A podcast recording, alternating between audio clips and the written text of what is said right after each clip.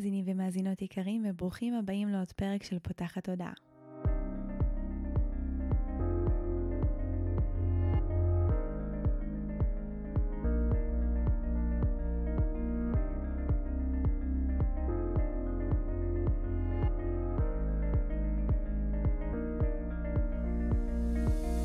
הפעם הראשונה שלכם כאן, פותחת הודעה היא תוכנית שנועדה להעביר רעיונות, לאתגר תפיסות קיימות, ולפתוח את צורת החשיבה האוטומטית שנהוגה אצל כולנו לכל מיני כיוונים חדשים, במטרה להכניס כלילות, שלווה, זרימה, אהבה, קרבה וחופש, גם במערכת היחסים שלנו מול עצמנו וגם במערכות יחסים נוספות.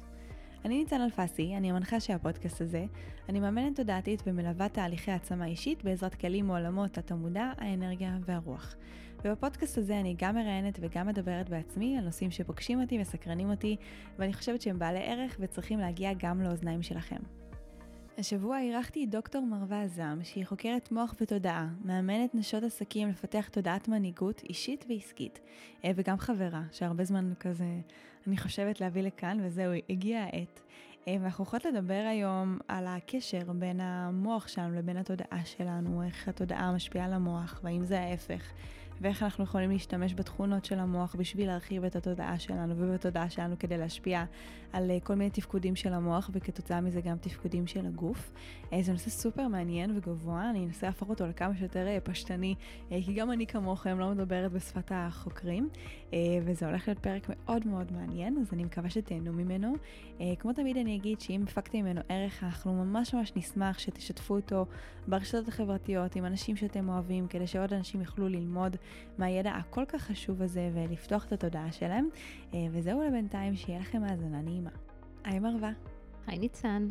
אז הבאתי אותך השבוע כדי שנדבר על הקשר בין מוח לבין תודעה, אה, שזה נושא מאוד מאוד מעניין, ונראה לי שלפני שאנחנו רגע נצלול על הקשר ביניהם, בגלל שרוב האנשים יודעים מה זה מוח, אבל תודעה זה מושג שהוא קצת יותר מופשט, אמורפי, אה, לפעמים נתפס כרוחני אפילו.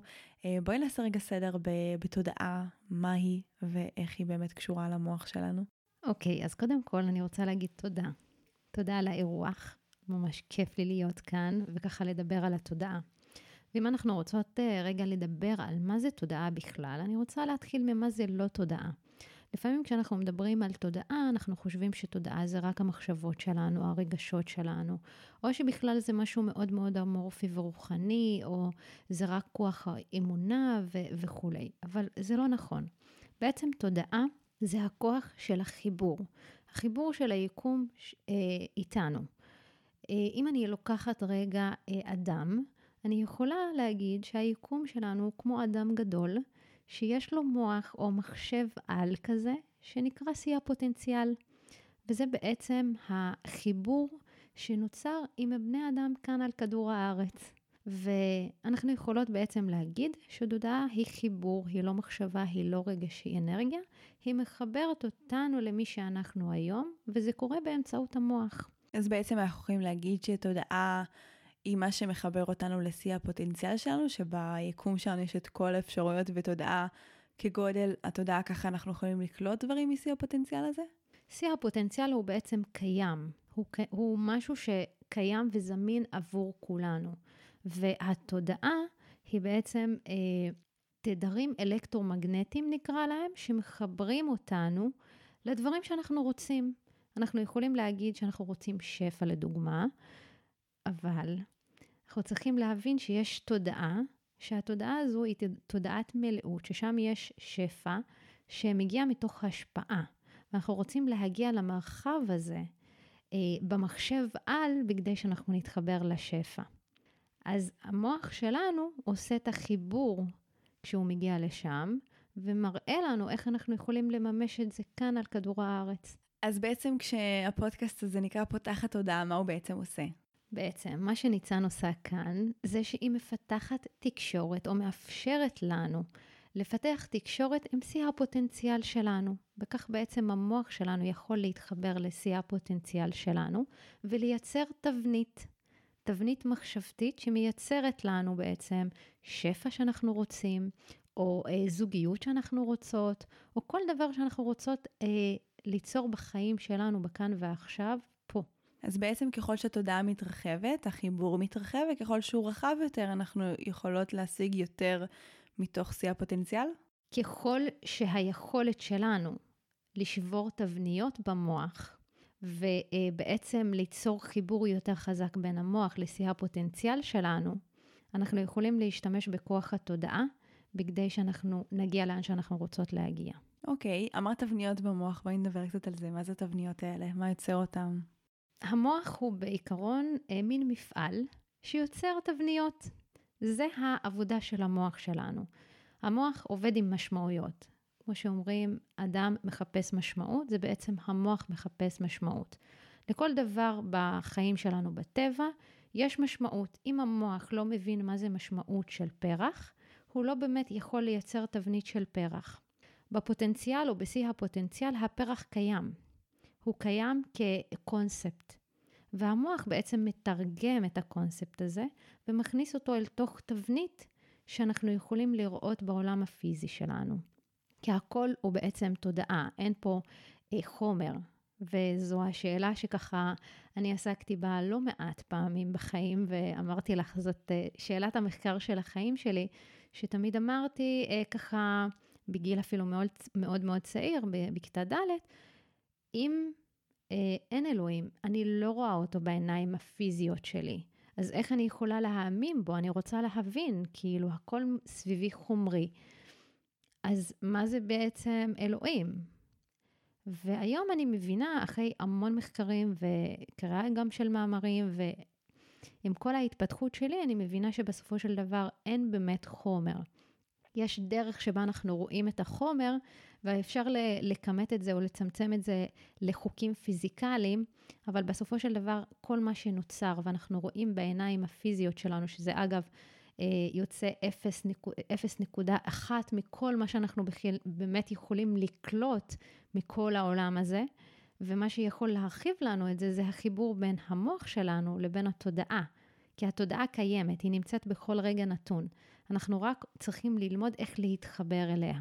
התבניות האלה שאת מדברת זה בעצם כמו התבניות ההישרדותיות שיש לנו, שאם נניח אני יודעת לתרגם, שאם אני רואה עכשיו דוב אני צריכה לברוח, תגובות אוטומטיות כאלה מהירות? זה כן וזה לא, ואני אסביר למה זה לא. הכוונה שלי לתבניות זה בעצם לתבניות מחשבתיות. כלומר, אם אני נותנת דוגמה של אה, נר שאני רוצה לייצר, אז אני רוצה תבנית, בכדי שאני אכניס את החומר גלם אל תוך התבנית הזו, בכדי שייווצר לי נר.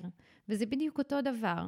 אם אני אה, עכשיו הולכת לראות בשיא הפוטנציאל שלי אם יש לי נר, הוא קיים.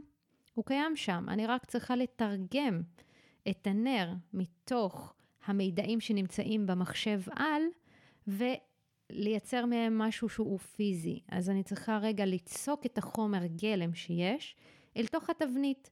והמוח שלנו מייצר את התבנית בכדי שאנחנו נדע ליצוק את החומר גלם ונבין איך אנחנו רואים, או איך הוא רואה את כל הדברים מסביבו. ויקלוט אותם. זאת אומרת שהרצון שלי ליצור נר הוא כמו איזשהו חלום שאני צריכה לראות איך אני מורידה אותו מרמת הפוטנציאל לרמת המציאות שלי? בדיוק. זה אומר שאנחנו לפעמים חושבים שאנחנו בחיים אמיתיים, ואנחנו חיים במקום שהוא דמוי חלום. אפילו מדברים על זה קצת אה, בדתות, בקבלה, ושאנחנו חיים באיזושהי אה, אשליה. והיום המדע יכול להוכיח שאכן אין באמת חומר, אלא יש תודעה ויש אנרגיה ותדרים שמייצרים את המציאות הזו שאנחנו קולטים, שאגב העין שלנו קולטת בערך 0.1 מכל התבניות שנמצאות בטבע, וזה בגלל שהמוח שלנו לא יכול לקלוט או ליצור כל כך הרבה תבניות כל כך מהר. זאת אומרת, אנחנו נהיה מוצפים אם יהיה כל כך הרבה. כן, כי בעצם תודעה זה משהו שהוא מתפשט, ואנחנו צריכים תבנית בכדי למקד אותו. והמוח זה התפקיד שלו, ליצור את התבנית הזו בשביל להיות ממוקדים.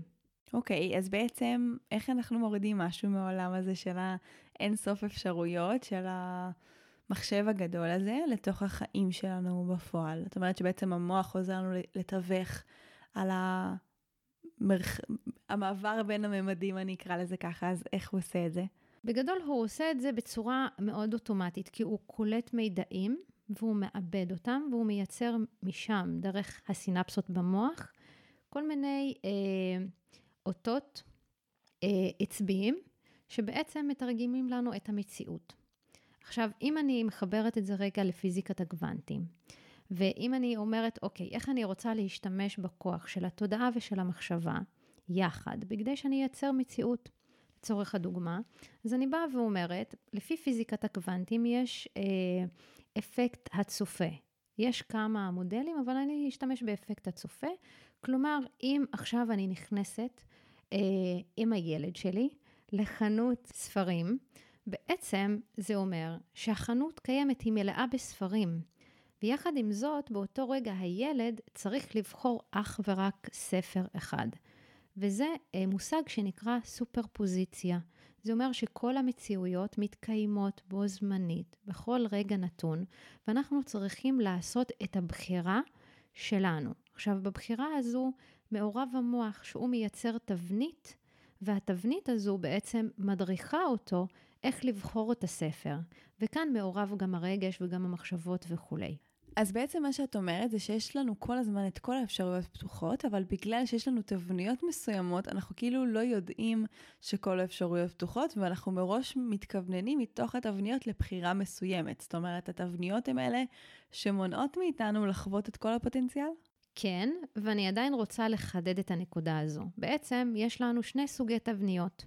התבנית הראשונה יכולה להיות תבנית שלא מקדמת אותנו, שמעכבת אותנו, שאותה אנחנו רוצות לשבור, ויש לנו תבניות שאנחנו יכולות כבר לבנות מחדש, שהן כן מקדמות אותנו. זאת אומרת, אנחנו חייבים שיהיה פה תבנית כלשהי, אנחנו לא יכולים ליצור את המציאות אם לא תהיה לנו איזושהי תבנית. לגמרי נכון, כי בסופו של דבר תודעה זה משהו שהוא מתפשט. וכמו שאמרנו, ההתפשטות הזו חייבת להיות באיזושהי תבנית, בכדי שאנחנו נצליח להיות ממוקדים ומפוקסים על משהו אחד. כי אם אין לי מיקוד על משהו אחד, אני לא יכולה לבחור מציאות. בדיוק כמו עם הילד והספר. אם אין לו את האופציה, או התבנית של ה-50 שקל ויש לו בחירה אך ורק אחת, הוא היה יכול לבחור בעוד 20 ספרים. אנחנו צריכים מיקוד ופוקוס על הדבר שאנחנו בוחרים, בכדי שהוא יתקיים. זה יוצר קצת קונפליקט, כי מצד אחד שסיפרת את הסיפור הזה, אני רציתי להגיד, אבל למה רק 50 שקל? כי כאילו, הוא יכול עכשיו לקנות מלא ספרים, והוא, ובעצם עצם העובדה שיש לו רק 50 שקלים, זה מגביל אותו לאפשרויות, אפשרות מאוד ספציפית, לקחת ספר אחד בעולם שיש בו הרבה אפשרויות. אז איך, איפה את רואה את האיזון הזה בין זה שיש מלא מלא אפשרויות, ואנחנו רוצים את האפשרויות האלה, ואנחנו גם רוצים להתמקד? איפה מוצאים את האיזון בתוך העולמות האלה? ומצד אחד, כמו שומרים עם רגליים על הקרקע, אבל גם זוכרים שיש מלא מלא אפשרויות שפתוחות עבורנו. אני חושבת שהאיזון בין הקונפליקט הזה של לרצות כל כך הרבה דברים, תוך כדי שאנחנו מבינות שיש לנו כל כך הרבה אפשרויות ואנחנו חולמות בגדול, אנחנו רוצות להשיג יותר, שזה משהו שאני תמיד תומכת בו ואוהבת אותו, ואני כזו, לבין המקום שאנחנו רוצות להתקרקע ובאמת ככה להבין שבסופו של דבר אנחנו נמצאות כאן בגוף שהוא מצומצם. וכשהבריאה צמצמה אותנו, היא צמצמה אותנו לצורך, והצורך הזה בעצם הוא שאנחנו נהיה ממוקדות ואנחנו נבין שאומנם הפוטנציאלים האלה מתקיימים, אבל ברגע הנתון עכשיו שלי, אני צריכה מיקוד וסדר עדיפויות נכון. כי כשאני יודעת שיש לי אה, שיא פוטנציאל מאוד גבוה ויש לי הרבה אפשרויות, ויחד עם זאת אני באה ואומרת, כרגע אני ממוקדת בדבר אחד שאני יכולה לבחור ואני יכולה לממש, זה רק מאפשר לי להגיד ליקום שאני מוכנה, שאני מסכימה. ואז זה גם מאפשר ליקום להיות שותף פעיל בתוך היצירה שלי, כי אנחנו באנו לפה להתפתח וליצור. הוא מראה לו שאני לא באזור הנוחות מצד אחד, ומצד שני, הוא מראה לו שאני סומכת עליו, שאם אני מממשת כרגע את הפוטנציאל הקטן הזה, שאני חושבת שהוא קטן, אז הוא בעצם פותח לי עוד פוטנציאלים אפשריים, שמהם אני שוב צריכה לבחור. יש לי שאלה גם הפוכה. אני חושבת שהאתגר שלנו הרבה פעמים, או אני אדבר באופן אישי, זה על אף שאני יודעת שיש מלא מלא פוטנציאלים, לפעמים אני מרגישה מאוד מצומצמת. כלומר, שלפעמים נראה לי שיש רק דרך אחת להשיג את מה שאני רוצה, ואני שוכחת שיש גם הרבה דרכים ועוד הרבה דברים שאני אפילו לא מעיזה לחלום עליהם. אז איך אני יכולה, אנחנו דיברנו פה על רגע... מתוך השפע להתמקד, איך אני יכולה דווקא הפוך, מתוך הצמצום והמיקוד להתרחב למי שזה האתגר שלה. אני חושבת שהתשובה שככה מרגישה לי הכי נכונה פה, זה המילה לסמוך. זה אומר שלסמוך על היקום, לסמוך על התודעה הגדול, הגבוהה, או שיא הפוטנציאל שלנו, שרואה ויודע, והוא באמת שותף פעיל יחד איתנו בעשייה שלנו, ביצירה שלנו, ולומר, אוקיי, אני יודעת כרגע שאני פועלת, ואולי קצת מרגישה שאני אה, במקום שאני עושה את זה בקטן. אני סומכת עליו שהוא באמת יראה לי את הדרך להתרחב ולגדול בקצב הנכון עבורי. יש דברים אבל שאפשר לעשות ממש ברמה הפרקטית בשביל להתחבר לנושא הזה של סופר פוזיציה?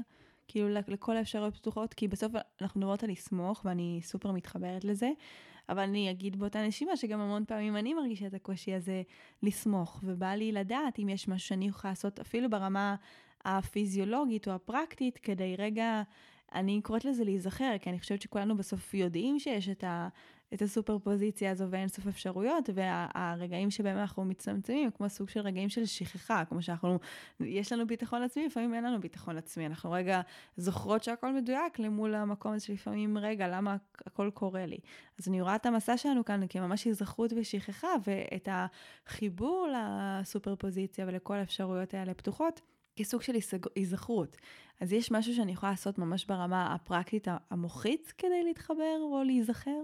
לגמרי כן, אבל רגע בואי נבין יחד את התפקיד של כל אה, אחד מהחלקים שיש במוח. יש לנו את מוח ימין ויש לנו את מוח שמאל. מוח ימין הוא בעצם, או העונה הימנית שלנו, היא אחראית על היצירתיות. על היצירה שלנו, היא החלק שחושב בגדול והיא מאוד מאוד מחוברת ללב שלנו. והלב שלנו כשהוא חושב, והוא אכן חושב, הוא חושב ב-360 מעלות. בנוסף, יש לנו את המוח שמאל. מוח שמאל זה הצד שבעצם הרבה יותר מרובע. ציירו רגע מרובע, אתם תראו מוח שמאל שם. הוא אחראי על מתמטיקה, על לוגיקה, וזה המוח שמצמצם אותנו ורוצה להכניס אותנו לתוך תבניות. עכשיו, איך אנחנו באמת בצורה פרקטית יכולות להתחיל לפתח את החיבור הזה בין המוח שלנו, המוח ימין, אה, לבין התודעה שלנו, בצורה יצירתית? על ידי יצירה. אז מי שאוהבת לייצר קרמיקה כמוך, אז דווקא המקום שיכול לאפשר לה גם להיות מאוד ממוקדת וגם להיות ביצירה, זה הריקוד או היצירה של הקרמיקה, או אפילו הכתיבה, הכתיבה היומיומית שלנו.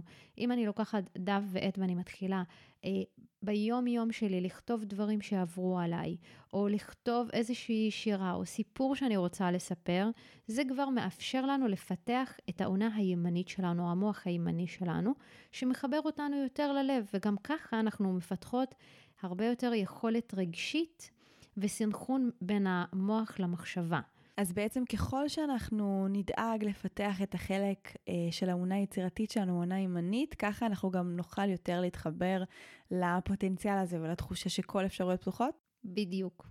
מהמם, זה גם מזכיר לי איזשהו אה, סרטון שראיתי פעם, איזושהי הרצאת TED אה, של חוקרת מוח בשם ג'יל בול טיילור, שהיא מספרת שהיא חוותה שבץ מוחי ובעצם מתאפשר לה ממש לחוות את המוח שלה מבפנים. והשבץ שהיא אה, חטפה, הוא היה באמת באונה השמאלית, זאת אומרת, בכל החלק אה, הלוגי, וכשהיא הייתה מחוברת רק לאונה הימנית, היא הרגישה ממש תחושה של אחדות, אחדות קיום, ומקום כזה של, כאילו, התחושות שהיא תיארה הן מאוד מאוד רוחניות, וזה היה ממש יפה לראות איך החיבור לאונה הזו באופן ספציפי מאפשר לנו לחוות את אותן תחושות. אז הנה כבר משהו פרקטי שאפשר לעשות מתוך הדברים האלה. אני רוצה גם לשאול אותך אה, לגבי אה, איזשהו משפט שמאוד אה, רווח בעולם ההתפתחות האישית, אה, והוא שמחשבה יוצרת מציאות. ואני רוצה לשאול אותך עכשיו מהנקודה מחקרית, האם באמת הוכיחו שמחשבה מייצרת מציאות? מה בעצם באמת באמת משפיע על המציאות שלנו, ואיך אנחנו יכולים לעבוד עם המוח שלנו בשביל להצליח להשפיע על המציאות שלנו? שאלה נהדרת, אה, ותודה גם ששאלת אותה. אה, אבל אני רוצה להתחיל גם במקום ככה, אה, והבנה שכבר דיברנו עליה, שבעצם אין באמת חומר. אנחנו ישויות תודעתיות. אה, וכשאנחנו אומרים אה, מחשבה יוצרת מציאות, זה בעצם משהו שהוא לא נכון. למה הוא לא נכון? כי uh, התודעה היא שיוצרת את המציאות, וזה מה שאנחנו התחלנו לדבר עליו, שהמחשבות או המוח שלנו מתחבר לתודעה או לשיא הפוטנציאל, ואז משם אנחנו יכולים לייצר מציאות. יחד עם זאת, בכדי שאנחנו נייצר מצב תודעתי אופטימלי, בכדי שאנחנו uh, נייצר מציאות בעולם הפיזיקלי שלנו, הגשמי, אנחנו צריכות להשתמש בכמה אלמנטים, ואני אתן קודם כל דוגמה של אה, מחקר שעשו אותו ב-Heart Math, אה, שזה בעצם ארגון אה, בינלאומי שעובד עם הילרים ועם אנשים שנמצאים בתודעה מאוד מאוד גבוהה. ובמחקר הזה הביאו שלוש קבוצות. הקבוצה הראשונה, ביקשו מהם בעצם שיפעילו מחשבה מאוד מאוד חיובית על סלילי DNA, בכדי שיראו איך זה משפיע על סליל ה-DNA. ואחרי שעשו את הבדיקה הזו, ראו שהשינוי בסלילי ה-DNA היו מאוד מאוד מינוריים. הקבוצה השנייה שלקחו, אה, ביקשו מהם להפעיל רגשות חיוביים אה, על סליל ה-DNA, ממש להעביר רגשות כמו אהבה, כמו שמחה וכולי, ואז ראו שעדיין השינוי בסלילי ה-DNA היה מינורי.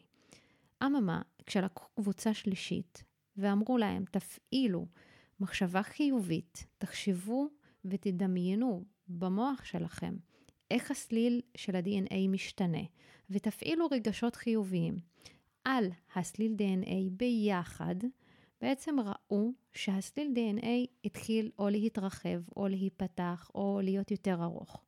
וזה בעצם אומר שכשיש לנו סינכרון בין המצב הרגשי שלנו לבין המצב המחשבתי שלנו, כמובן הגוף שלנו מתחיל אה, להיות בתחושות אחרות, זה מה שיכול להשפיע על המציאות שלנו ויכול לשנות אותה. כי במחקר הזה הבינו שהסלילי DNA השתנו אה, בעצם בין 25% ל-30%, כך שאפשר לראות שכשיש סינכרון גם בין העונה הימנית והעונה השמאלית, אה, יש אופציה ליצור משהו חדש, משהו שהוא שונה.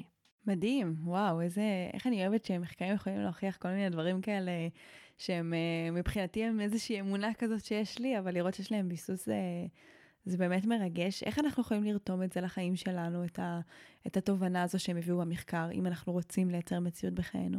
אז איך אנחנו יכולות לעשות את זה? אה, אנחנו בעצם יכולות להתחיל לראות ולדמיין בצורה ויזואלית איך החיים שאנחנו רוצות אה, ליצור נראים. כלומר, אה, אם ניצן בעוד חמש שנים אה, רוצה שלושה ילדים, אז היא מתחילה לראות ממש בעיניים ולדמיין במוח שלה אה, איך החיים שלה נראים, ממש ליצור ויזואליזציה. יחד עם זה, היא מתחילה להרגיש ממש ליצור רגשות יחד עם המחשבות, ולחוש את זה בכל הגוף.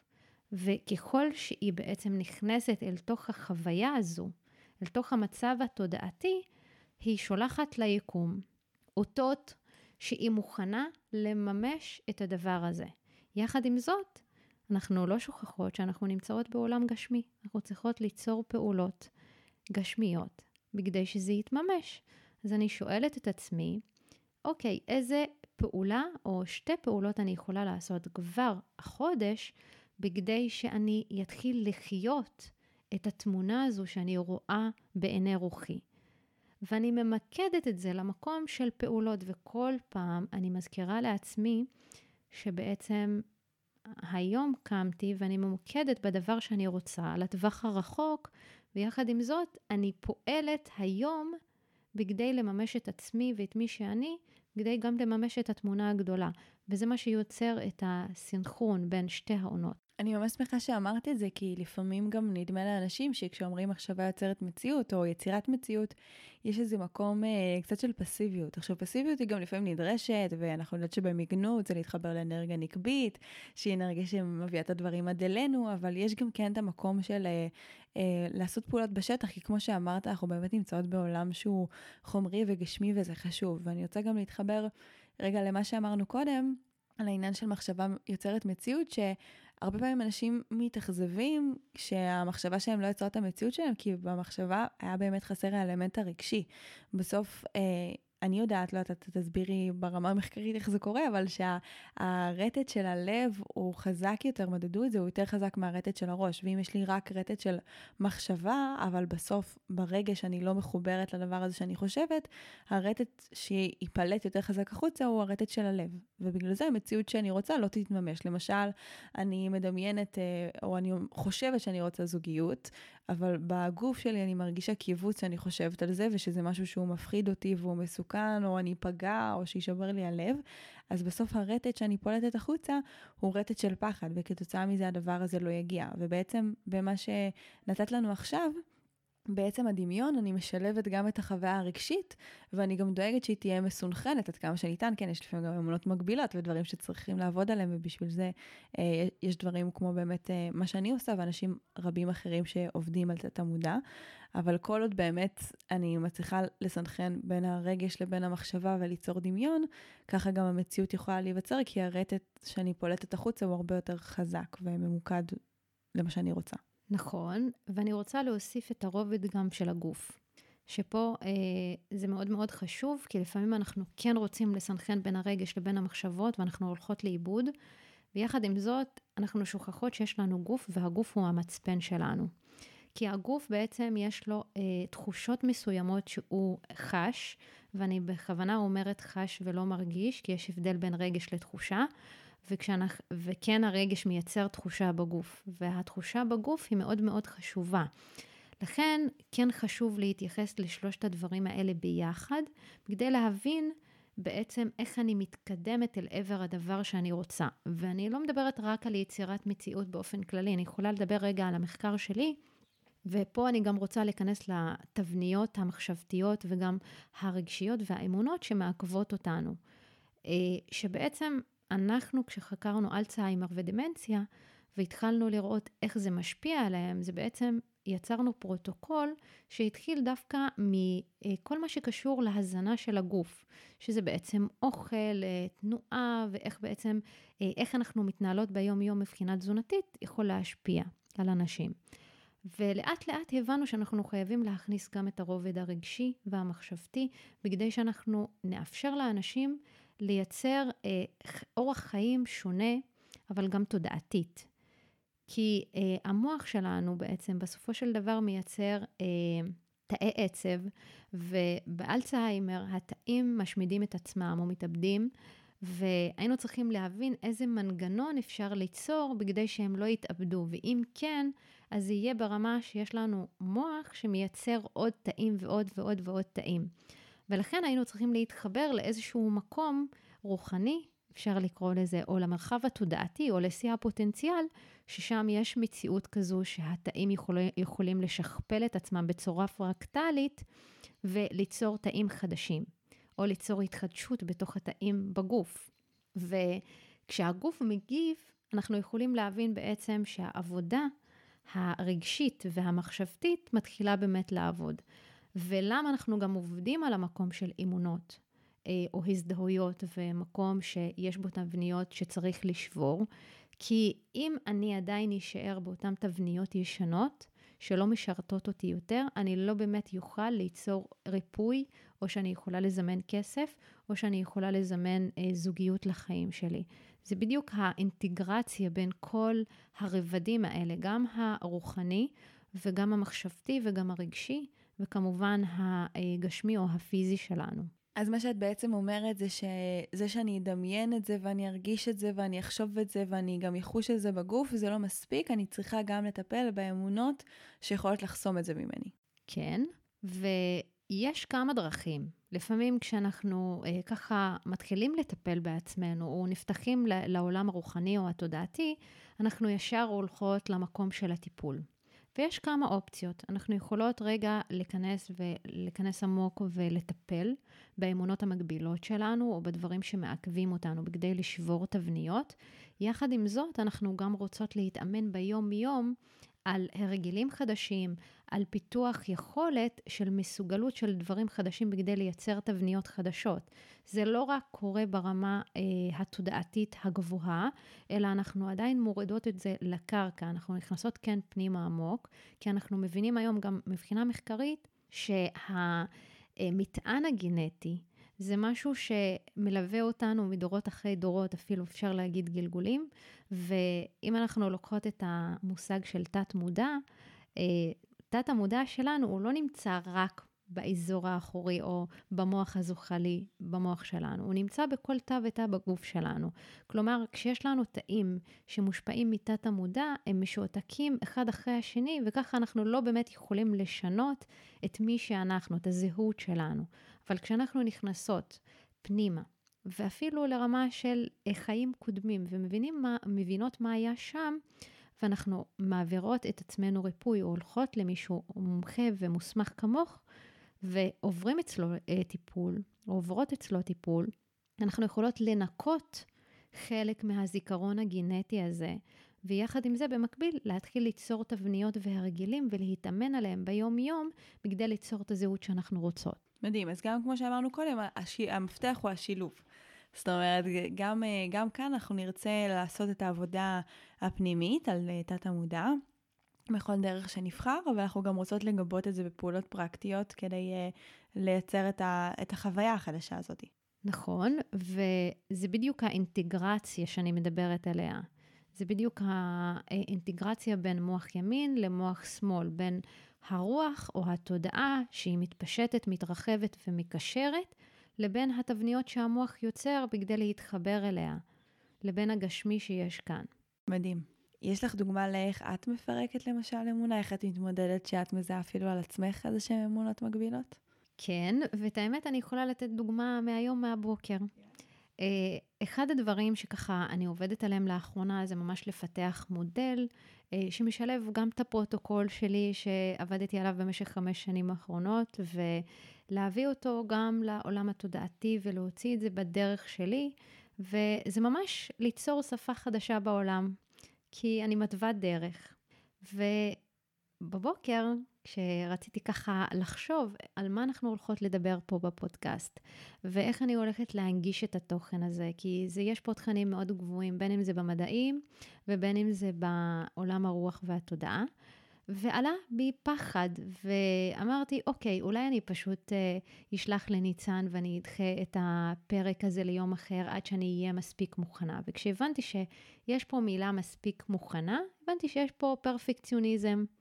באותו רגע פשוט עצרתי ובחרתי לקחת מחברת, וכתבתי איזה פחד עולה לי כרגע, ומה שיצא זה פחד מהצלחה. אז כתבתי בגדול מה זה פחד מהצלחה. והתחלתי להתבונן במילה פחד מהצלחה, ממש התבוננות. ותוך כדי שאני מתבוננת במילה, אה, התחלתי ממש להרגיש איזשהו קיבוץ של אה, מה יחשבו עליי, אולי לא יבינו, ואולי לא יבינו אותי, ואז זה החזיר אותי פשוט לילדות, שאני תמיד הרגשתי שאני לא שייכת, שלא מבינים אותי, שאני לא יודעת להסביר את עצמי, שאני לא יודעת להנגיש את מי שאני לעולם. וכשהבנתי שזה בעצם התבנית שיש לי, קודם כל, סלחתי לעצמי על השיפוט הזה שיש לי כלפי עצמי וכלפי מי שאני, וגם כלפי הילדה הקטנה, כי אני כבר לא אותה ילדה קטנה, וחיבקתי את הילדה, וממש הפעלתי חמלה שם, ובסוף אמרתי והחלטתי והתחייבתי גם בפני עצמי שיש לי משהו יותר גדול מאשר הפחדים שלי או התבנית. אה, ואני הולכת אחריו, ושם בעצם הבנתי שאני שוברת את התבנית ואני הולכת אחרי הלב שלי, אה, ואחרי המוח הימני שלי יותר, עם חוכמת הלב, ואני סולחת ומשחררת, ואני פשוט מתאמנת.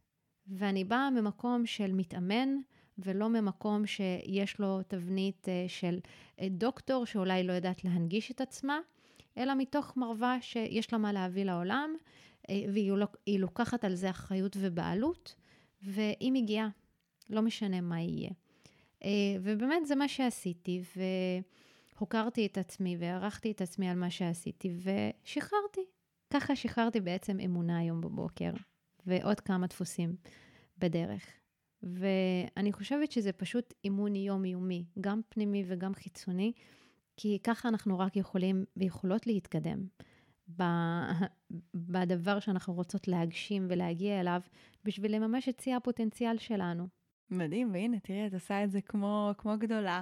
אה, מדובבת לנו אה, נושאים ו- ותחומים ש- שגם לי לפעמים, אה, מהאמונות המקבילות שלי על אה, ילדה שלא לא טובה בפיזיקה ולא מבינה את הדברים הגבוהים האלה, הצלחת אה, לפשט פה בצורה ממש יפה גם מונחים פיז, מעולם הפיזיקה וגם מעולם המדע ו- ומדעי המוח. אמ, אז באמת זה הזמן שלי להודות לך על, ה, על הפרק הזה, שנראה לי צריך להקשיב לו כמה פעמים כדי באמת לקלוט את העומק שלו ואת הדברים שהוא מביא. יש משהו נוסף שהיית רוצה להגיד לסיכום? אז בדרך כלל תמיד יש לי הרבה מה להגיד, ועכשיו אני קצת uh, מרגישה ספיצ'לס, אבל מה שאני רוצה להגיד למאזינות ולמאזינים, זה uh, שבסופו של דבר, תזכרו, שהפחדים האלה שצפים, או האמונות, או הדפוסים, או התבניות, וגם המוח שלנו, הוא לא נגדנו, הוא לגמרי בעדנו. ואם אתם מרגישים שיש פחד או אמונה, תתאמנו, תתאמנו על לשבור אותה ולשחרר אותה. אה, ואם אתם חולמים בגדול ואתם חושבים שיש איזשהו חומר חיצוני או מישהו חיצוני או אדם חיצוני שמעכב אתכם, אז תבינו שזה לא נכון. כי אין באמת חומר. אנחנו ישויות תודעתיות שיש להם שיא פוטנציאל, שקיים ויכול להתקיים ולהתממש. אז אל תאפשרו למשהו חיצוני, שלא באמת קיים, הוא קיים בתוככם, לעכב אתכם, ואל תהיו תלויים בו. ואם אתם חולמים, תמשיכו לחלום בגדול ולכו אחרי ההגשמה שלכם, ותממשו את שיא הפוטנציאל שלכם ושלכן. מדהימה, איזה יופי. לא יכולת לסכם את זה טוב יותר. תודה רבה, מרווה. תודה לך, תודה ענקית על ההזדמנות הזו, אה, ובאמת אני מוקירה אותך על כל הדברים שאת עושה, ואני אוהבת אותך. יפה שלי, תודה רבה. אז אם אנחנו רוצים לסכם את הפרק הזה, הבאמת מורכב, אה, שכלתני, תודעתית, אל תרגישו רע אם אתם מבולבלים, גם עבורי זה היה פרק לא פשוט, ובשביל זה אני כאן לעשות לנו רגע סיכום, כי מרווה באמת הביאה פה נקודות מאוד מעניינות שאני רוצה מאוד שנוכל אה, לממש בחיים שלנו. אז דיברנו על החשיבות של תבנית, שיש תבניות שאומנם יש כאלה שאנחנו נרצה לשבור ו- ולשחרר אם הן מגבילות אותנו, אבל יש גם תבניות שהן חשובות לנו, שבעצם יש לנו איזושהי מסגרת שלתוכה אנחנו יכולות ליצור. ליצוק את המציאות שלנו, וחשוב שנדע מה התבנית שלנו ומה אנחנו רוצות בעצם ליצור, כדי שהמציאות תוכל להתממש, על זה שלפעמים מתוך כלל האפשרויות חשוב שנתמקד, ורק ככה נוכל לממש את הדברים שאנחנו רוצים. דיברנו על הרצון לפתח את תמונה ימין, שהיא זאתי שתעזור לנו להתחבר לשיא הפוטנציאל ולסופר פוזיציה ולאין סוף אפשרויות האלה. ואמרנו שהדרך לפתח את האמונה הימנית היא על ידי יצירתיות, לעשות פעולות יצירתיות, אה, מה שרק תרצו, כתיבה, שירה, ריקוד, קרמיקה, ציור, מה שיתחשק לכם, כל דבר שיפתח את היצירתיות יעזור לעונה הזו להיפתח, אה, וככה גם אה, לנו להיפתח לפוטנציאלים האלה. אה, דיברנו על זה שמחשבה אינה יוצרת מציאות, אבל מה שכן יעזור לנו ליצור את המציאות שלנו זה לסנכרן בין מוח ימין למוח שמאל. זה נעשה על ידי ויזואליזציה, בעצם זה שאנחנו מדמיינים את הדברים שאנחנו רוצים, וככה אנחנו גם מייצרים את החוויה ואת המצב התודעתי הרצוי, ואנחנו גם מקבלים את זה בפעולות. אנחנו רוצים גם להכניס את הצד הפרקטי, והדרך ליצור ליצור את הדברים במציאות שלנו היא גם בסופו של דבר לצאת לפעולה. דיברנו על זה שאנחנו רוצים לשחרר את האמונות המקבילות שחוסמות אותנו, כי לא מספיק שאנחנו נדבר רק על החסמים אה, ברמה של החלקים במוח, אנחנו גם רוצים להבין ממה אנחנו מפחדים ולהתאמן על זה, להטיל שם ספק, לחזור לילדות ולעשות את העבודה בדיוק כמו שמרווה שיתפה אותנו באומץ. אז יש לכם פה המון כלים והמון דברים שאפשר לעשות אה, כדי להתחיל אה, להשתמש במוח שלכם וביכולות המופלאות שלו, כדי לפתוח את התודעה שלכם ולייצר יותר מהדברים שאתם רוצים ורוצות בחייכם. אז מקווה מקוות שאהבתם את הפרק הזה ותאזינו לו פעם נוספת ככה לתת לדברים לחלחל.